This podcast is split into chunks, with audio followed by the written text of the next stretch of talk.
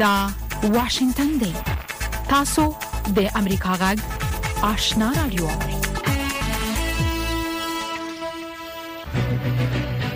قدرمن اوریدونکو السلام علیکم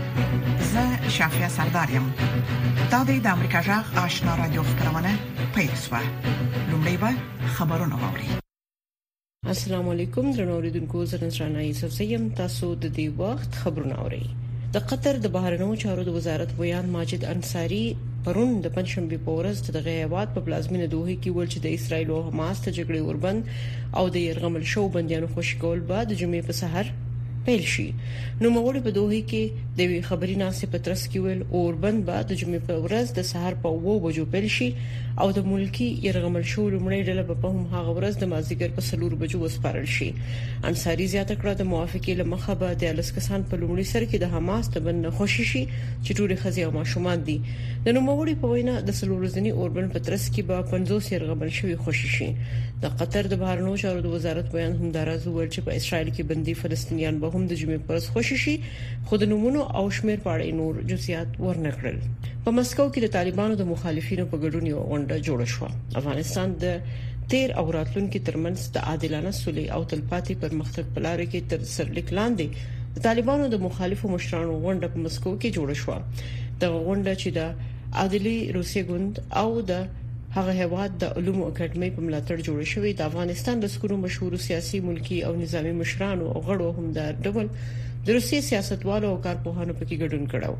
د ملي مقاومت جبهې په نامه د طالبانو د حکومت یوې مخالفې جبهې په یوې اعلامیه کې ویلي چې د دغې جبهې مشر احمد مسعود په مسکو کې د افغانستان په اړه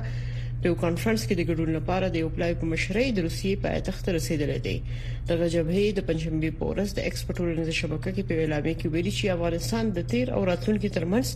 د یوې عادلانه سولې په لار او تلپاتې پرمختګ تر نامه لاندې دغه د نن ورځې کانفرنس د روسیې د پارلمان د عدالت د ګوند او دغه هواد د علومو د اکیډمۍ لخوا جوړ شوی دی د خړو نړیوال پروګرام دبليو اف پی په افغانستان کې د خړو د مسولیت په اړه په یو رپورت کې ویلي چې په دغه هواد کې د هر لسو کورنیو نه یو د خړو لپاره کافي خواړه نه لري دغه رپورت د چهارشنبه پر سپور شوی او په دې کې ویل شوی چې د روان 2023 کال په وګړو کې په افغانستان کې د لوګي کچا ډیره زیاته پراخه شوې ده د خوړو نړیوال پروګرام ویلي چې د خوړو په مصرف کې د حاصلاتو د اخیستلو په ورستي فصل کې د جزوي خوالي سره سره په عمومي ډول د غلو دانو بیې لا هم ډېر لوړ دي امریکایي مقامات وایي د متحده ایالاتو او کاناډا ترمن سرحد کې د نیاګرا فالز ابشار ته نږدې یو موټر چاودیدل دي او دوه تنه وژل شوي دي لدغه پیښې وروسته د دوه هیوادونو ترمن سرحد تړل شوی او له کبله یې د شکرانې د ورځې د اوږدې رخصتۍ په درشل کې امنیتي خبرداري هم ورکړل شوې ده د نیویارک والي کیټي هوچل په دغه پیښه کې د دوو کسانو مړینه تایید کړې ده ویلي دي چې داسې کوم نه خنشته چې وخی دا کوم ترهګر بریدو تر دې دمه د وژل شو کسانو هویت معلوم نه دی خو هوچل ویل چې ښکاری موټر د نیویارک لویدیځ څخه تللی او چاودنه د بوډۍ ټال په نوم پل باندې شوې ده خو مسولیتونه ټول سرحد تړلې دي د پاکستان د انتخاباتو کمیسیون د پنځشنبه په ورځ نومبر 23مه د پخوانی صدر اعظم عمران خان ګوند ته لارښوونه کړې چې راتلونکي کال په عمومي انتخاباتو کې د خپل رای ورکولو د نخان د ساتلو لپاره د مشرتابه د ټاکلو انتخابات وکړي په 2022م کې لواکا د لری کېدو راهیسې عمران خان په یو شمېر قانوني قضیو کې گیر شوی دی چې د په وینا راتلونکي فبرवरी په میاشت کې پټاکنو کې د هغه د کاندیدیدو د مخنیوي لپاره ترتیب شوی دی. په یو وروستۍ پریکړه کې د پاکستان د ټاکنو کمیسیون د عمران خان ګوند ته امر کړی چې په شل ورځو کې دننه ګوندي ټاکنې وکړي ترڅو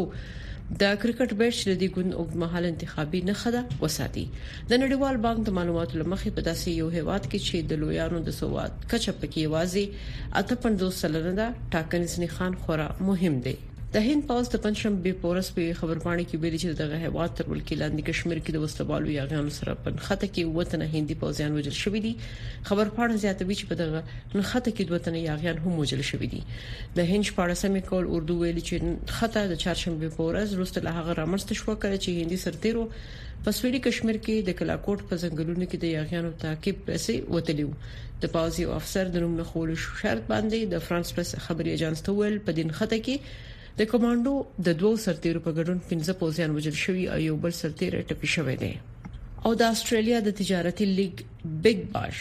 مسولینو د چهارشنبه په ورځ نومبر 22مه ویل چې د افغانستان د کرکټ ستوري راشد خان دغه هیواد په سګنی تجارتي لیګ کې نشي لوبیدي دغه تجارتي لیګ پر رسمي فیسبوک باندې لیکلي دي چې د راشد خان ملا جوړ لده او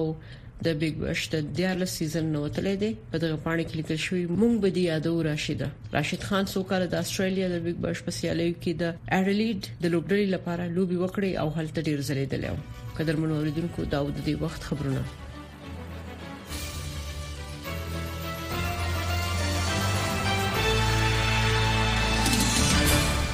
خبرونه مو د امریکا جغ آشنا رادیو څخه واوریدل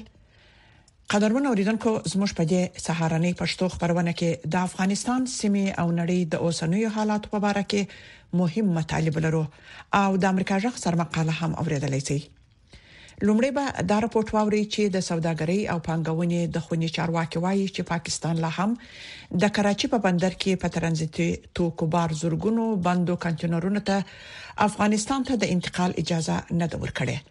د پاکستان حکومت د تیرې جمعې په ورځ په اسلام اباد کې د طالبانو د حکومت د یو هیئت سره د خبرو په مهال د دغو کانتینرونو د خوشې کېدو سره موافقه ښودلې وه. په دې باره کې له کابل څخه زموږ خبريال اکرام شینواری رپورټ راستولی. د افغانستان د سوداګرۍ او پانګونې د خونې چارواکي وایي چې پاکستان لا هم د افغان سوداګرو په ترانزیټي توکو بار څه باندې 3000 کانټینرونه نه دي خوشي کړي چې د نږدې دوه میاشتو راهیسې د دغه هیواد د ګمرک د مامورینو لخوا د کراچۍ په بندر کې په وړخیز ډول بند کړی دی د دې خونې د مدیره پلاوی غړي خانجان لکوزي د پنځشنبه په ورځ امریکا غږ ته ویل چې قسم د طالبانو د حکومت د صنعت او سوداګرۍ د وزارت د سرپرست نوردین عزیزي په مشرۍ او پلاوی د پاکستان د لړمحاله حکومت د بهرنۍ او صنعت او سوداګرۍ د وزیرانو په ګډون د تیرې جمعې په ورځ په غونډه کې د دغو بندو کانټینرونو د اکثرو کانټینرونو د خوشې کېدو پریکړه کړې و خو لا هم دا کانټینرونه نه دي خوشې شوي دوی یو اشارو یا مکتوب ولیکه بیا بیرته بل مکتوب ولیکه چې د دې لپاره موږ میکانیزم جوړو د میکانیزم د جوړولو مکتوب هم پرون امضا کو ادارو او هم کشتم او هم خلا وزارت د تجارت د سره موافقه وکړه مکتوب کراچۍ ته رسیدل دی میکانیزم هم جوړ دی او زمونږ مسولین او زمونږ نمائندگان او تجاران او کلری جنټان اکثریت الته ورته ناشتي او د دوی څخه خبرې کوي نن غرمه هم دوی غوښتلي وو کشتم چې ورسره کېني، اما تر اوسه پورې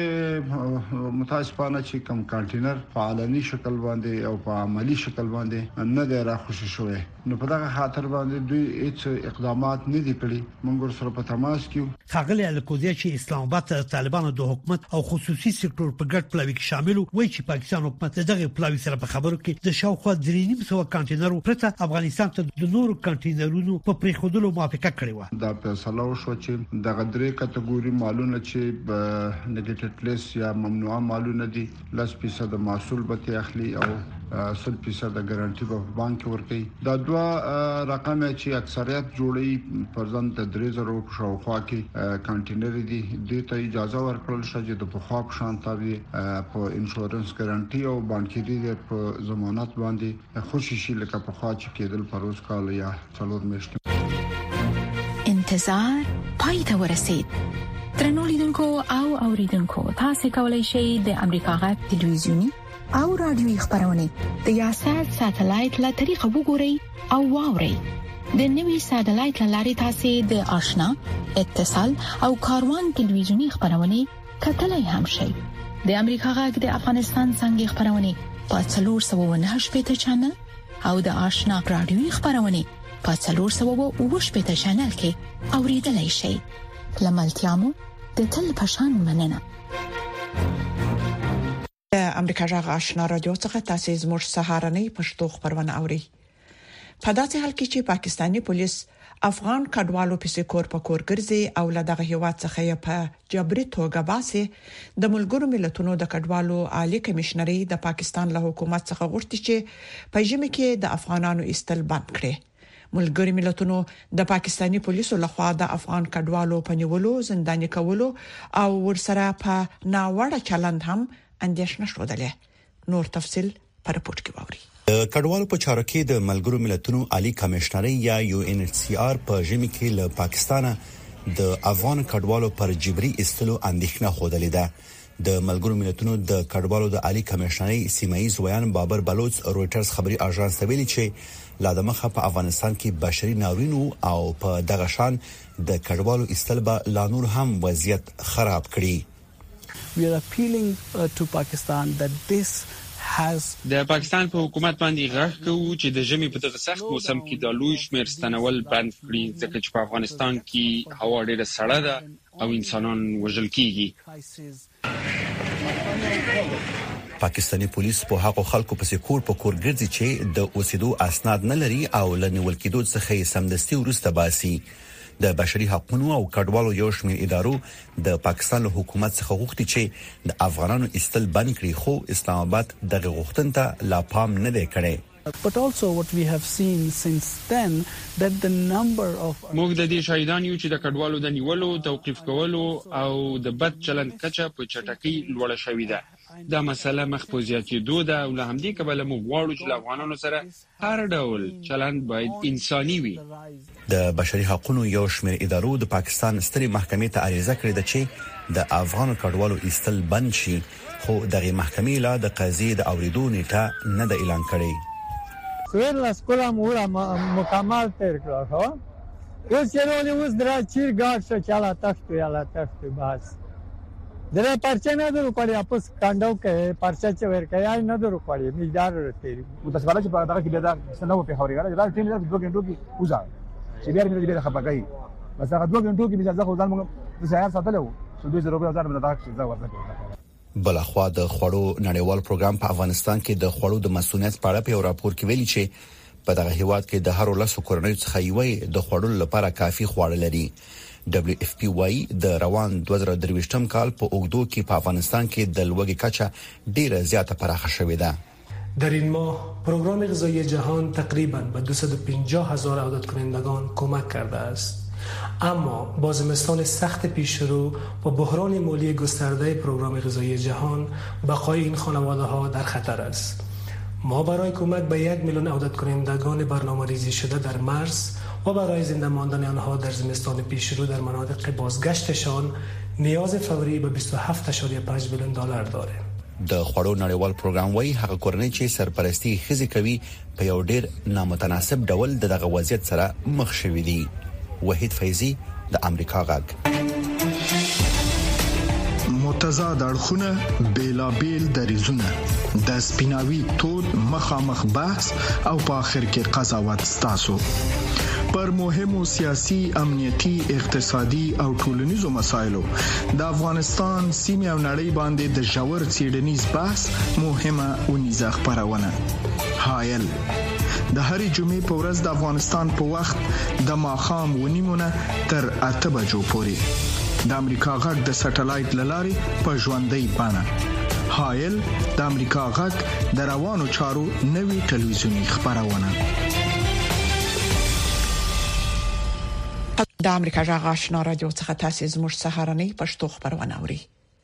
په داسې حال کې چې د اوکراین جمهور رئیس ولادیمیر زلنسکي اعلان وکړ چې په راتلونکي میلادي کال کې یې اساسي هدف له نړیوالې ټولنې څخه د خپل هیواد لپاره د مرستې لاسته راوړل دي متحده ایالات او جرمني چې د اوکراین دوه مهم ملاتړ کوونکي دي له هغه هیواد سره د دوامدارې مرستې ژمنه وکړه په دې اړه به په واشنګټن کې د امریکا غږ د ډیپلوماټیکي چارو د خبریالې سیدني سین د رپورټ خلاصه زموږ همکار سید سلیمان شاه تاسو ته ولولي د متحده ایالاتو د دفاع وزیر لوید آستن پر روانه ونې کې کیف ته لناڅاپي سفر وروسته د چاشنبه پورز د یوکرين د دفاعي ډلې په ولسمه غونډه کې ګډون وکړ په داسې حال کې چې یوکران د روسیې د يرغل په وړاندې خپل مقاومت ته دوام ورکړي آستن له یوکران سره د دې ډلې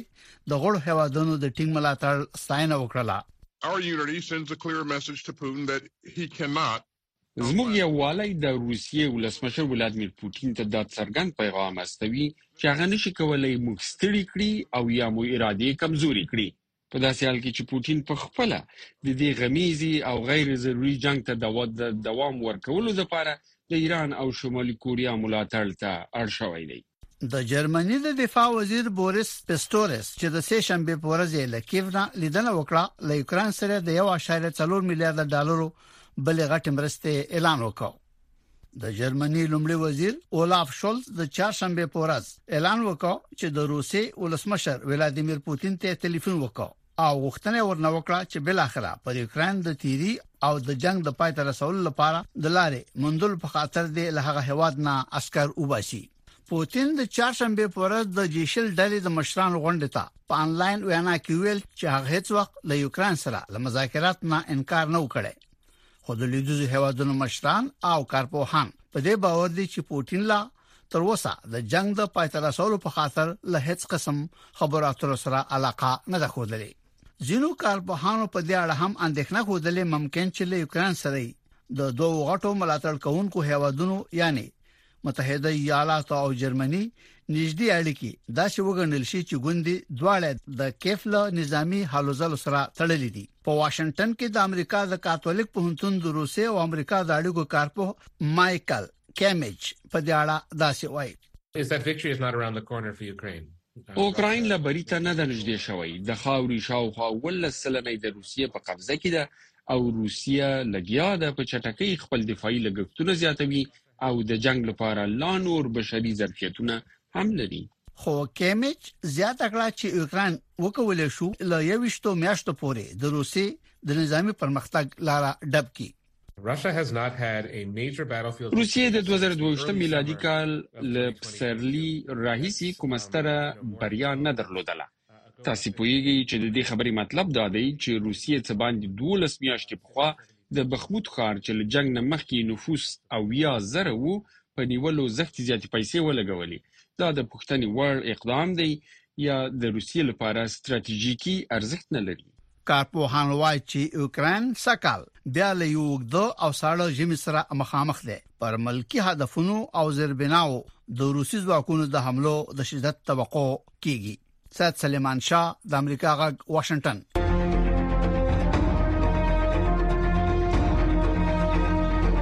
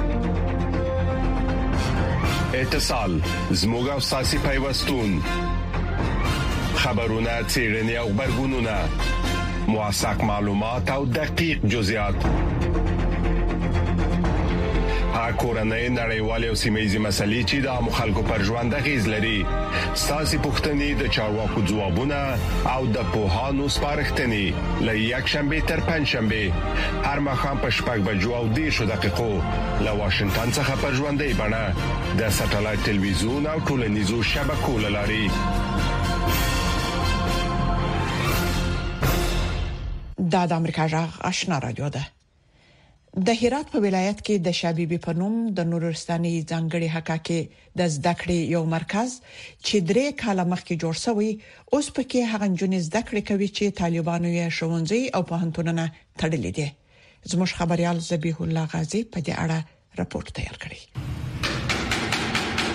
هرات کې د نورستاني حکاکۍ دا مرکز هغو نجونو ته په لرګینو توکو د حکاکۍ هنر ور زده کوي چې له تېرو دوو کلونو راهیسې په ښوونځیو او پوهنتونونو کې له زده کړو منع شوي.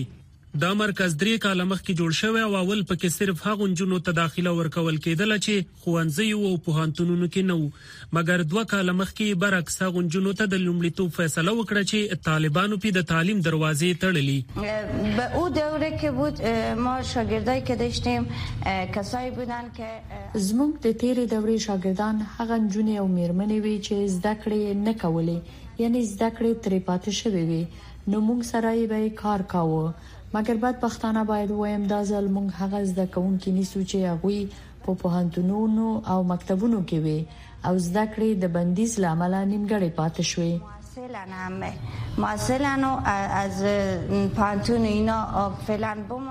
اغلې سادات وايي، په اولنۍ دوره کې یې پنځه ویشت ښځینه فارغې کړي او اوس خپلو کورنیو ته د حکاکۍ د هنر له لارې پیسې ګټي. وايي، اوس یې زده کوونکي لږ دي، خو هڅه کوي چې ښځینه طبقې ته لا ډېر کار وکړي. مدینه درویشي چې له دولسم فارغه شوه، نو د طالبانو حکومت له شپږم پورته ښوونځي او پوهنتونونه وتړل. وايي، لکه د نورو همزولو په رواني رنځ اخته شوه او ښه شو چې اوس د پام اړولو له خاطره په دې مرکز کې هنر زده کوي. مکتبونه بند وو، اکثره جینکو رواني ستونزې پیدا کړې وې، زه خپله هم له دغسې ستونزې سره مخ شوې وم او له هر څه بیزاره وم، او لکه د اکثرو نجونو او مېرمنو زړه نه کېږي چې چېرته ولاړې شي، نو ما غوښتل چې دلته راشم او نورستاني حکاکي زده کړم. د نورستاني حکاکۍ په دغه مرکز کې زده کوونکې ډېرې نجونې ورځې شماري چې که ګوندې ښوونځي او پوهنتونونه بېرته پرانیستل شي، ځکه دوۍ له هنر سره سره د علمي سفر لوړې ارادې لري. ولی نمیتونه هنر ما جای تحصیل ما بگیره صد درصد که مو باید. زه نشم کولای چې هنر دې زما د تحصیل ځای ونیسي. زه د مکتبونو او پوهنتونونو د بیرته پیلېدو غوښتونکې یم. زه د ټولو تعلیمي ادارو بیرته پیلېدو غوښتونکې یم، ځکه تعلیم له دې څخه غټ هدف دی او ډېر تاثیر لري. د حکاکۍ د مرکز مشرې امریکا غږ ته وویل چې دوی ځکه د نورستاني حکاکۍ د زده کړې مرکز پرانیست چې دا له کلاسیکې هغې سره متفاوته ده او ډېر پام پکې هندسي شکلونو ته کېږي او د جوړولو وسایل یې متفاوت او ځانګړي دي. د امریکا جغ آشنا رادیو څخه رپوټونو ته دوام ورکوو. د هرات په ولایت کې لمرګونې او خونړۍ زلزلې یوه نیمه میاشت تیریږي او زلزله ځپلي شکایت کوي چې د ژمي له پیلیدو سره یې ژوند لا سخت شوی دی. دوی وايي د دې ترڅنګ چې حکومت، موسسو او مرستندویه بنسټونو لومړنۍ مرستې ورسره کړي خو په دښته کې سړې هوا د دوی ماشومان په ناروغۍ اخته کړي دي. نور حال په دې راپور کې په هرات کې د زلزلې ځپلو کورنۍ غړي وایي چې له سړې هوا او د خوراکي توکیو برابرولو لپاره د امکاناتو لنشتوالي زوريږي دوی وایي د خیمو په داخل کې ډوډۍ نه پخېږي او د برېښنا د نشټوالي لامل له برقي منقلونو نه استفاده ناممکن ده او د خیمو د باندې هم د لرګیو یا غاز کوم تنور نه لري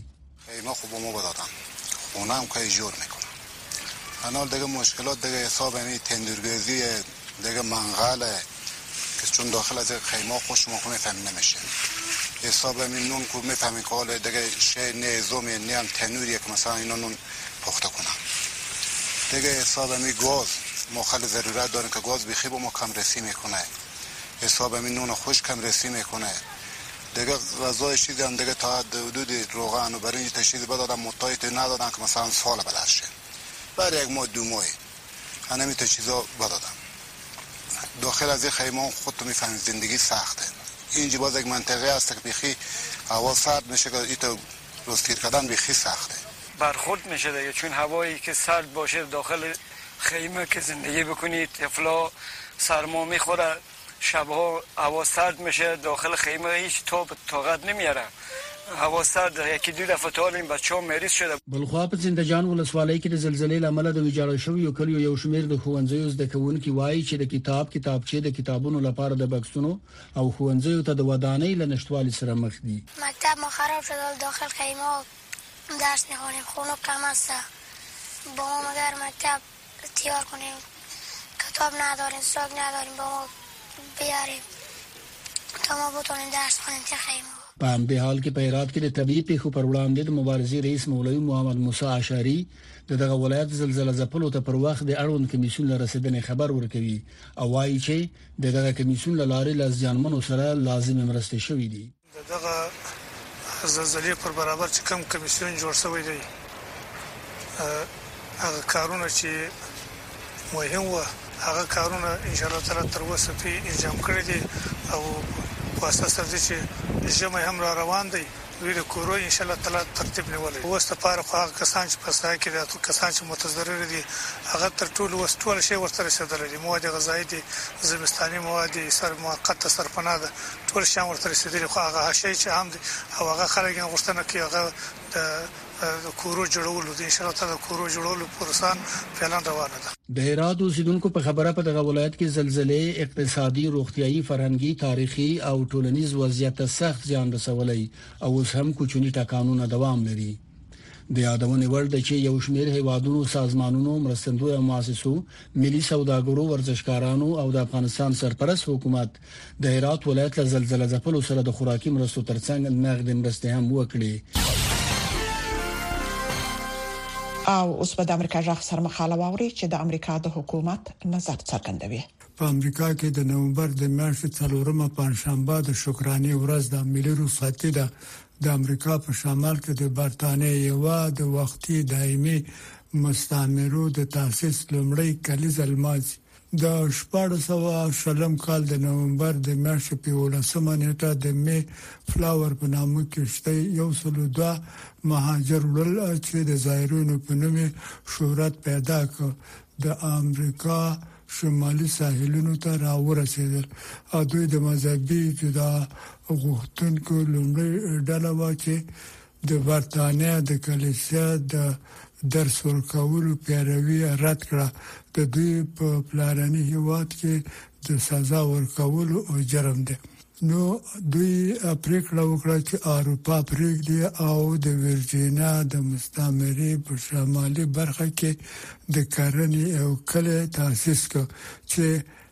دیارلس کاله مخکې پکې میشته شوي وو. په تصادفي توګه تقریباً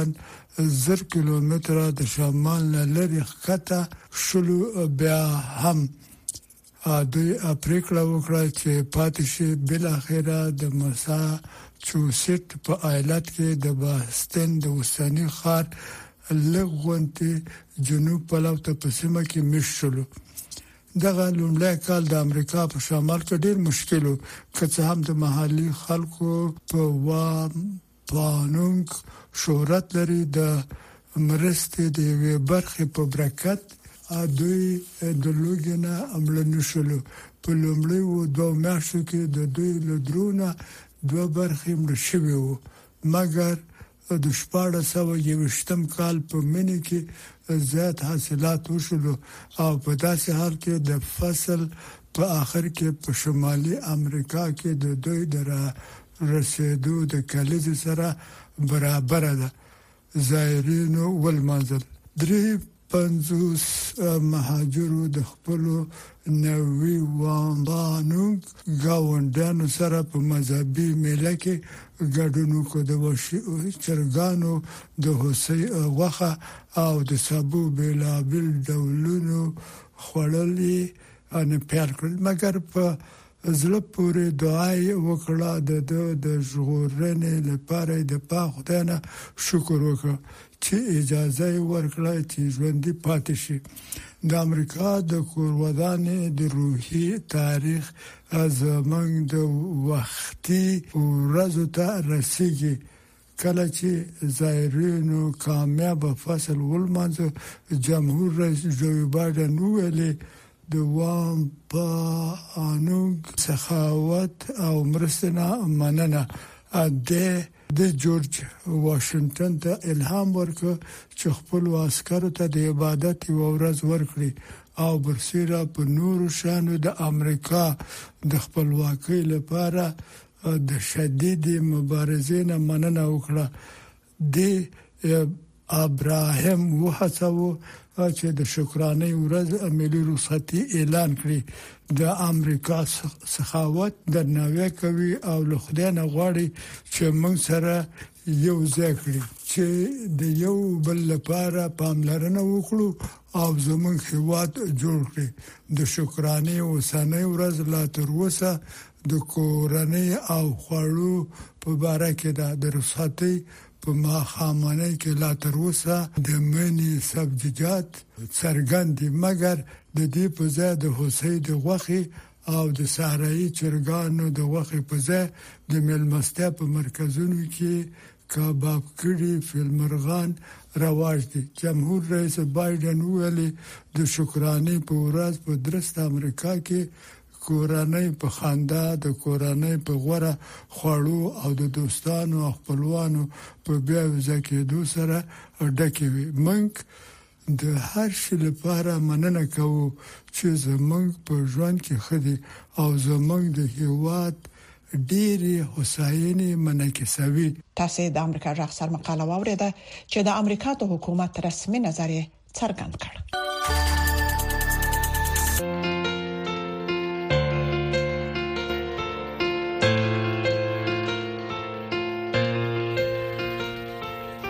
درنوریدونکو زموږ د خبرونه په همدې ځای پای ته ورسیده د امریکا جغ آشنا را دوه خبرونه دوام لري